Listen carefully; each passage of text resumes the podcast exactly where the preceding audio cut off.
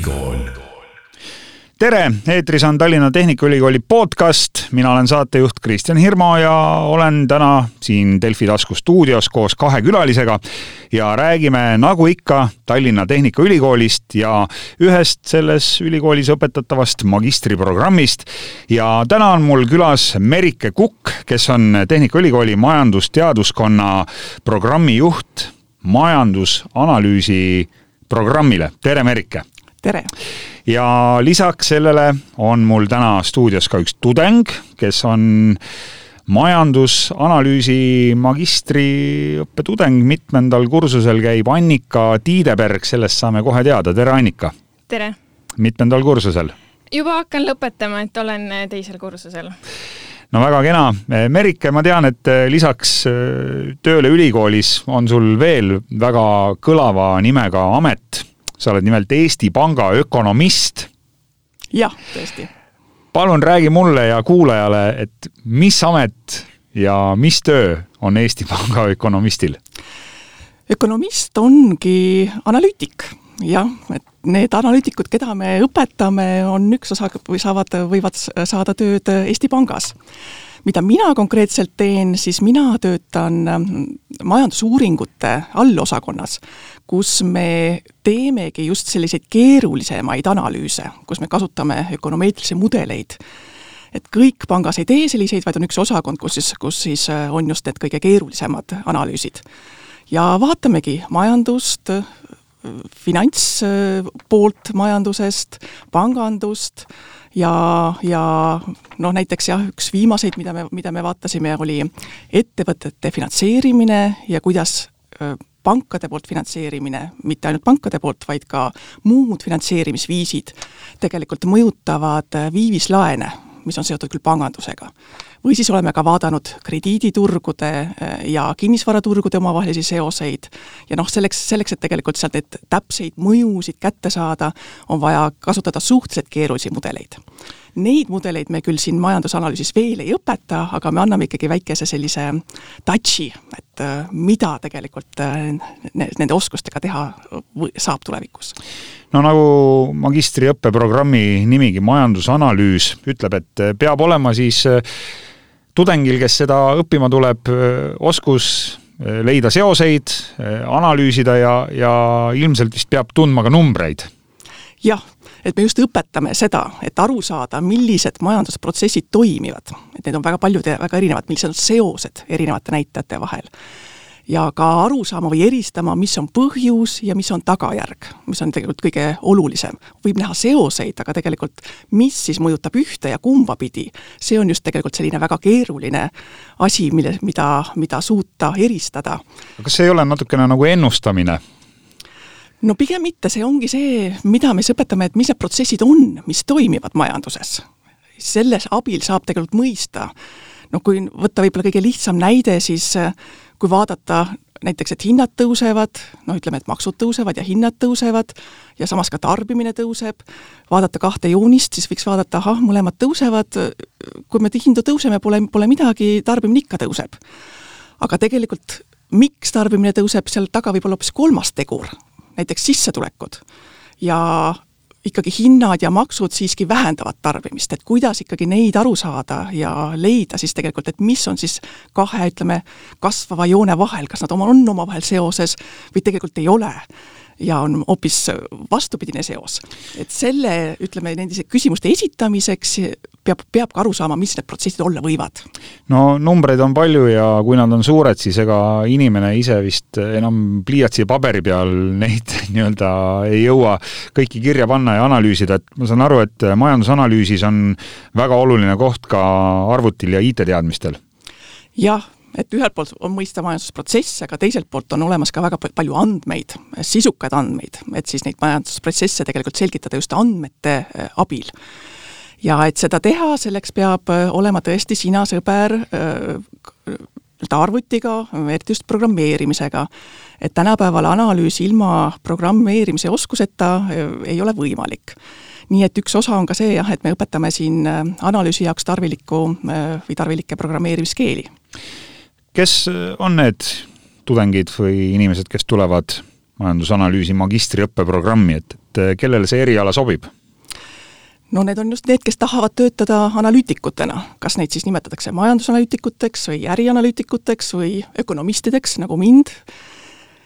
keda siis huvitavad need erinevad protsessid, kes siis tahavad selgitada, mis toimub, kas siis majanduses, aga võib-olla ka ettevõtte tasandil, näiteks mis toimub klientidega ja miks kliendid teevad selliseid otsuseid, nagu nad teevad. ja tahab siis ka neid andmete abil siis nendele vastuseid leida. nii et ja kuna selline analüüs ei ole kunagi ette aimatav või öelda, millise, mi-, kuidas seda täpselt teha, siis peab isegi olema endas ka sellist suutlikkust välja mõelda, kui on küsimus, kuidas või milliseid meetodeid kasutada, et sellele siis küsimusele vastus või lahendus leida no Annika, sina oled teise kursuse tudeng, ma saan aru, et magistriõpe kestabki kaks aastat, nii et sa oled juba enam-vähem lõpusirgel ja, ja et meil on juba ained kõik läbitud, et need on siis äh, kolme semestri peale, et nüüd käib äh, väga tihe magistritöö kirjutamine, et pilt on juba täpselt ees, et mis me siis tegime seal. aga räägi, kuidas sina jõudsid selle majandusanalüüsi õppekava juurde, et mida sa bakalaureuse programmis õppisid ja, ja milline su taust on? Jah, et tegelikult ma üldsegi ei tule bakalaureusest majandusteaduse pealt, et õppisin maksundust Sisekaitseakadeemias.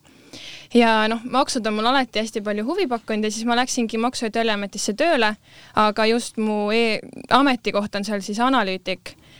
Ja noh, ütleme nii, et umbes kui ma pool aastat seal olnud olin, siis mul sai ikkagi selgeks see, et kui ma tahan natukene võib-olla ka kõrgemal tasemel analüüse teha või ise nagu mõtestada lahti, et äh, kuidas maksud ikkagi majandust mõjutavad, siis äh, tuleks natukene edasi vaadata. Ja noh, kui ma hakkasingi vaatama, siis majandusanalüüs tegelikult, mis TalTechis pakkus, oli minu jaoks ideaalne valik, sellepärast et esiteks noh, lihtsalt oli juba ajaliselt võimalik koolis käia, aga ka see, et seal lihtsalt täpselt neid aineid ja oskusi õpetatakse, mis mulle huvi pakuvad et kui noh, mina näiteks puutun hästi palju riigieelarvega kokku, siis äh, mul lihtsalt tekkiski huvi, et äh, aga kuidas reaalselt seda riigieelarvet kokku pannakse, et mis need äh, protsessid seal taga on, et lihtsalt kuskilt ju seda numbrit ei võeta. aga kas sa oskaksid nüüd riigieelarvet juba kokku panna Kind-, kindlasti mitte, et seal taga on väga paljude inimeste töö ja väga keerulised mudelid, et ma arvan seda, et mis nagu magistriõpe võib-olla annab, on see, et ta annab sellise hea stardipaugu, kus siis hakata oma oskusi edasi arendama, mis, mis suund noh, konkreetselt kedagi huvitab, et kindlasti ei ole see, et magister on läbi ja siis äh, olen tegija ja oskan kõike teha. No ma olen ise ka Tehnikaülikooli majandusteaduskonnas küll turunduse suunal ja veel bakalaureuse õppes oma lõputöö kirjutamise lävel, aga aga eks ma enam-vähem natukene võin aimata, et millised need majandusained on. no mikro-makroökonoomikat seal ilmselt enam ei õpetata ei, õpetatakse kindlasti, et äh, on mikro- ja makroökonoomika, meil on seal veel ökonoomikaaineid, aga pigem nagu keskendutakse magistriõppes rohkem just sellistele äh, keerulisemate asjade lahtimõtestamisele, et võib-olla bakalaureuse on äh, pigem selline sissejuhatus, et noh, kuna mina ise nagu tegelikult olen teise õppekava tudeng, kus siis pigem oli suund äh, majandusarvestusele, siis minu jaoks oli ka magistriõpe Äh, põhimõtteliselt kõik oli uus minu jaoks, et seal ei olnud kindlasti see, et ma oleks tundnud magistriõppes, et ma võib-olla kordan hästi palju. et kindlasti mingil määral on alati kordamist, aga see ei ole see, et, et ainult me kordame, et seal ikkagi õpetatakse noh, päris palju. võin ma veel täiendada siis nende mikro- ja makroökonoomika kohta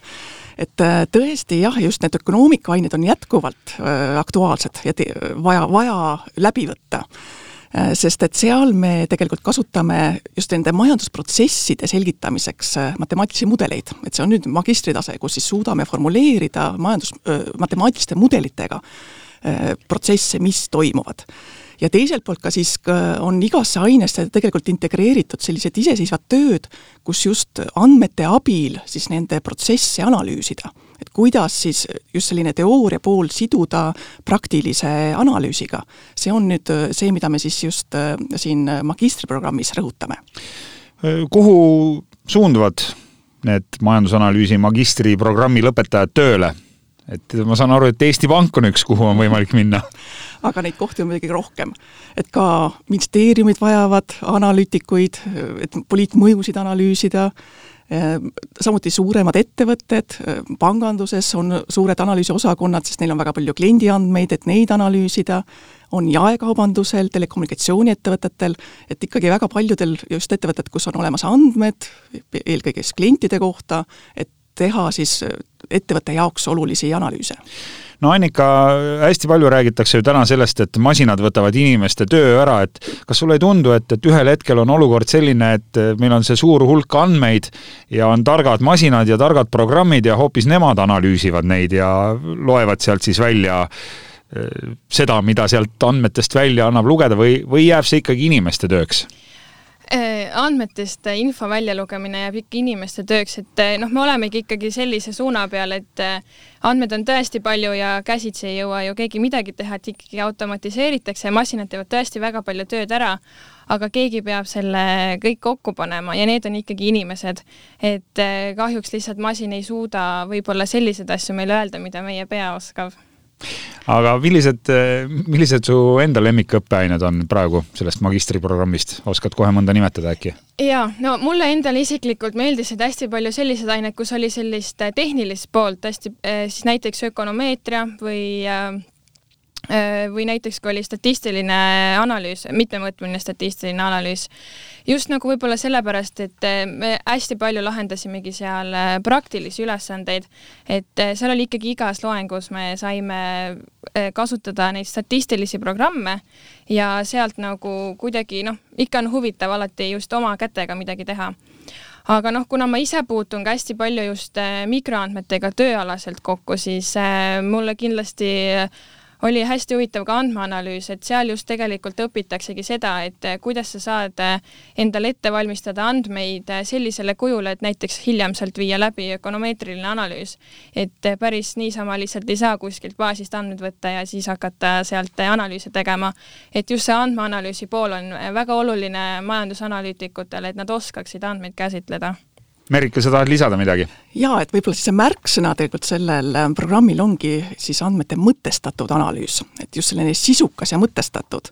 et kui siin oli juttu tõesti, et äh, arvutid teevad väga palju meie eest ära, siis arvutid teevad äh, ütleme, võib-olla mudelite hindamise ära.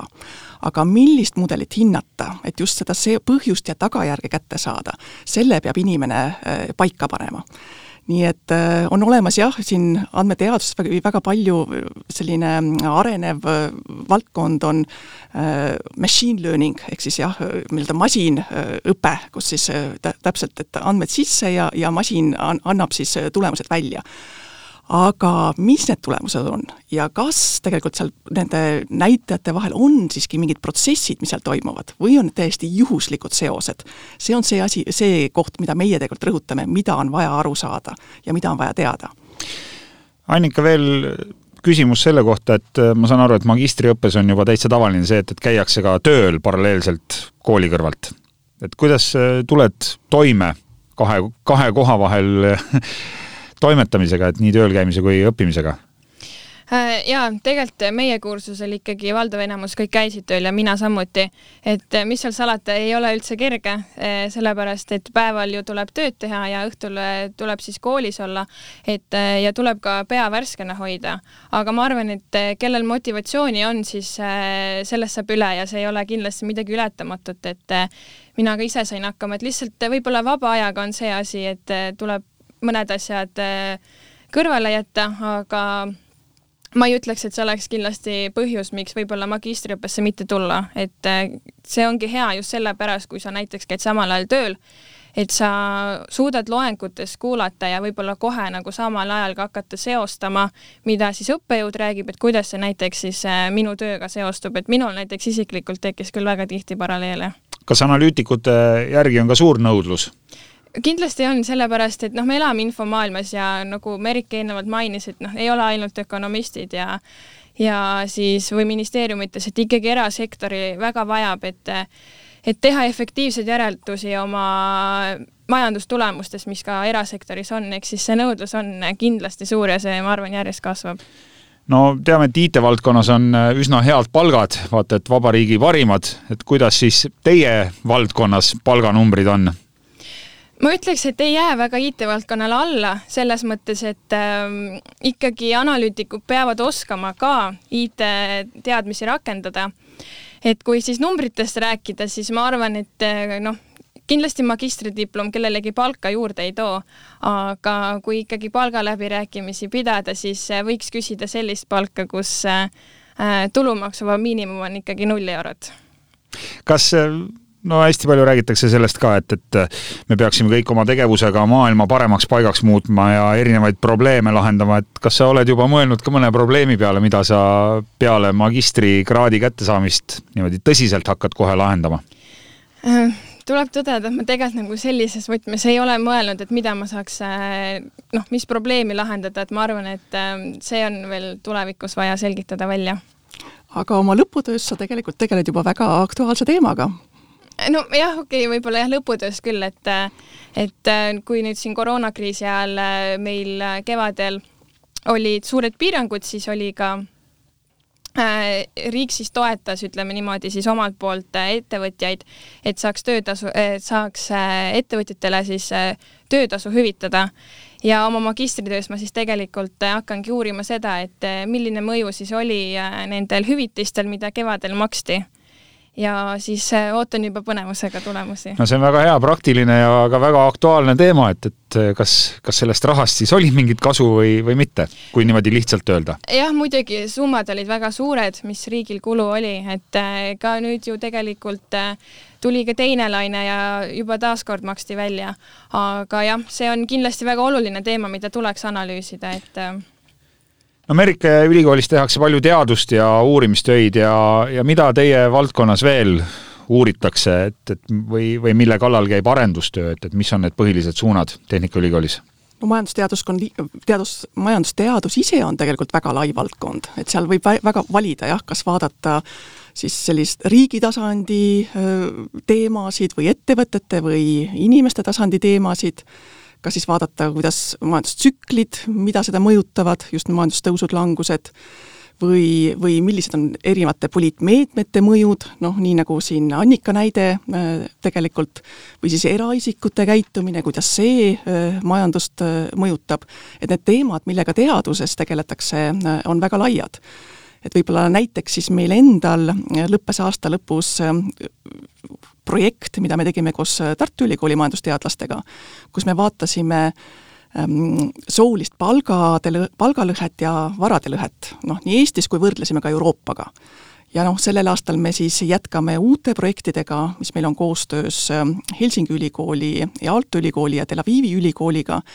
kus me just vaatame rohkem eraisikute või indiviidipõhist otsustusprotsesse ja käitumist ja kuidas see majandust mõjutab. ja ka mitteratsionaalseid käitumismustreid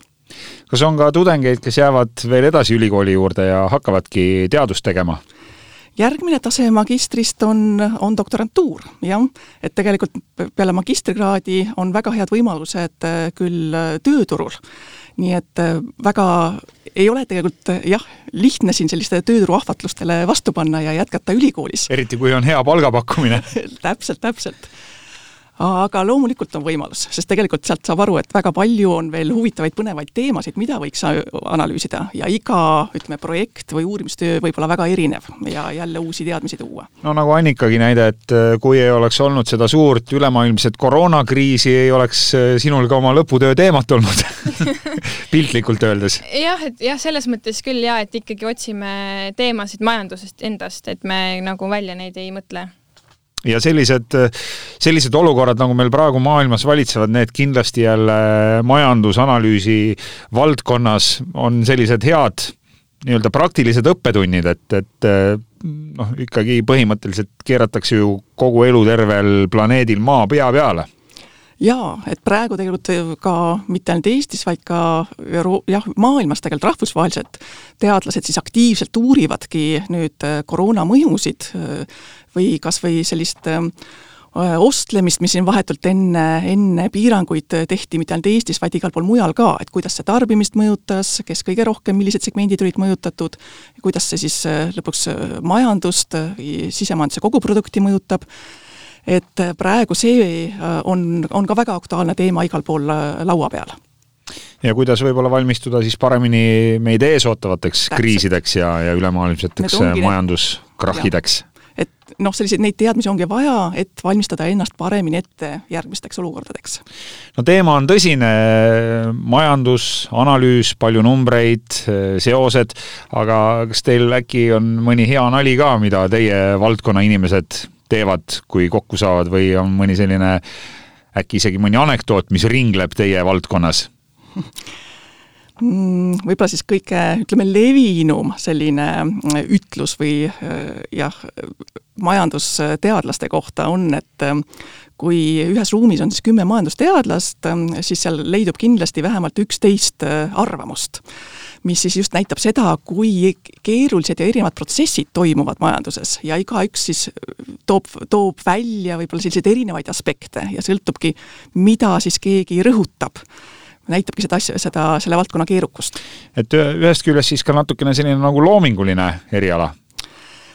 peab olema kindlasti sellist suurt pilti, loomingulisust, näha erinevaid seoseid, leida neid, taibata, mis toimub sest tõesti, keegi ei anna õiget äh, vastust, siin ei ole sellist matemaatilist äh, arvutuskäiku, et leida üks õige vastus, vaid peab läbi arutluste jõudma siis tegelikult, et mis need võimalikud riskid ja stsenaariumid on. no Annika, küsin veel seda, et, et kas isiklikus plaanis omaenda rahaasjades või oma eraisiku majandamise vaatevinklist on sul ka nüüd asjad paremaks läinud pärast seda, kui sa oled majandusanalüüsi magistriõppesse läinud? no ma ei tea, saaks võib-olla öelda, et ei ole selles mõttes, et äh, ma olen kogu aeg huvitunud sellistest rahateemadest, et äh, see mul on alati huvi pakkunud, aga võib-olla kui noh, rääkidagi kooli mõttes, siis tegelikult äh, meil on ka rahanduse aineid, mida me õpime ja seal näiteks oli väga huvitav aine nagu investeeringute analüüs, et kindlasti magistriõpingute ajal alustasin küll investeerimisega, et mitte ainult rahanduse tudengid ei õpi seda, vaid ka meile pakutakse need ained, et jah, seda saab küll öelda, et investeerimishuvi tekkis küll ja nüüd sa oskad iga oma investeeringut ka analüüsida, enne kui sa selle teed. jah, selles mõttes tegelikult me isegi õppisime aktsiaturgudel prognoosimist, ehk siis meil on selles mõttes võib-olla väike eelis rahanduse tudengite ees, et me oskame ka erinevate ettevõtete aktsiaid prognoosida. aga muidu küll, et oli kasu no Merike, keda oodatakse majandusanalüüsi magistri õppeprogrammi Tehnikaülikooli, millised eeldused peavad olema sisseastumiseks ja ja võib-olla millised äh, huvid või, või kas võib ka tulla muudelt äh, erialadelt kui ainult majandusest? jah, esimesena muidugi, et bakalaureusekraad peab käes olema ja siis tõesti huvi analüüsi vastu. Kui ei, ei ole majandusest tulnud, majandused on bakalaureuse tasemel saanud juba ökonoomiaaineid ja teisi kvantitatiivsete meetodite aineid, ehk statistika, matemaatika, ökonomeetria, ehk neil on juba arusaam olemas tegelikult, mida see majandusanalüüs tähendab. Äh, nemad on siis seal, on, on kindlasti äh, esimene, esimene valik, aga muidugi ka teistelt erialadelt, kes tegelikult tunnevad, et see analüüs on need, on nende kutsumus. Noh, võib ka tu-, pigem siis reaalaine, reaal kas võib tulla matemaatika ja IT-tudeng näiteks? ka matemaatika IT-tudeng, kes on leidnud juba analüüsi, näiteks töötab analüütikuna ja leiab, jah, see on nüüd minu, minu valdkond või kui veel, veel ütleme, mõtleb, kas see on tema valdkond, veel analüütiku kogemust ei ole, no siis on ikkagi soovitav võtta mõned ökonoomika või kvantmeetodite aineid enne, eelnevalt, et aru saada tõesti, et kas need, need on nüüd need, mida ma, mida edasi õppida tahad. ja kuidas tehniliselt sisseastumine välja näeb, on sisseastumiskatsed, eksamid, vestlused? tuleb esitada avaldus niisugune, nii nagu igal pool tegelikult kõikidesse magistriõpetesse on selline õppe, on sais, avalduste esitamise süsteem ja tuleb esitada CV ja me teeme vastuvõtuvestlusi kolm korda aastas. tegelikult juba avaldusi saab esitada praegu ja vestlused teeme märtsis, maikuus, juulikuus kus me siis äh, vaatamegi ja räägimegi kandidaatidega, mis on nende eelnev kogemus, mis on nende huvi, mis on nende motivatsioon ja hindame, kas nad siis äh, on suutelised äh, ja on neil piisavalt motivatsiooni, et see õppekava siis edukalt läbida. kas konkurents on suur? on huvilisi, paraku ka paljud, osadele huvilistele peame ütlema, et nad ei ole, see ei ole nende jaoks õige valik no näiteks jah, et mõned nii-öelda numbriinimesed, aga tegelikult kui neid huvitavad raamatupidamislikud numbrid, jah, kuidas ta rahanumbrid, et kuidas siis ettevõttes toimib, siis see eriala ei ole päris see, mida, mida, mida me õpetame, et nemad peaksid ikkagi minema rahandust õppima. siin on sellised laiemad ja protsessidega seotud, seotud numbrid või siis ka, võib ka olla jah, et näeme, et see motivatsioon ei pruugi nii suur olla, et ei pruugi ikkagi, kui me näeme, et ikka väga suur kahtlus on, et ta, teda ei huvita programmeerimiskeeled, siis ta ei pruugi ka lõpuni läbi saada. No Annikale jääb vist ainult üle soovida edu magistritöö kaitsmisel või, või kõigepealt valmiskirjutamisel ja siis kaitsmisel jah, et kõigepealt tuleb valmis saada ja siis kaitsta, aga töö käib. Suur tänu, Annika Tiideberg, teise kursuse tudeng ja Merike Kukk, kes on siis äh, Tallinna Tehnikaülikooli majandusteaduskonna programmijuht majandusanalüüsi programmile. aitäh, et tulite täna siia Tallinna Tehnikaülikooli podcasti. Ja aitäh ka sulle, kes sa selle ära kuulasid TalTechi podcasti leiab Delfi taskulehelt tasku.delfi.ee ja muidugi ka Spotify'st, SoundCloudist ja iTunesist. mina olen saatejuht Kristjan Hirmu ja kuuleme juba järgmises episoodis.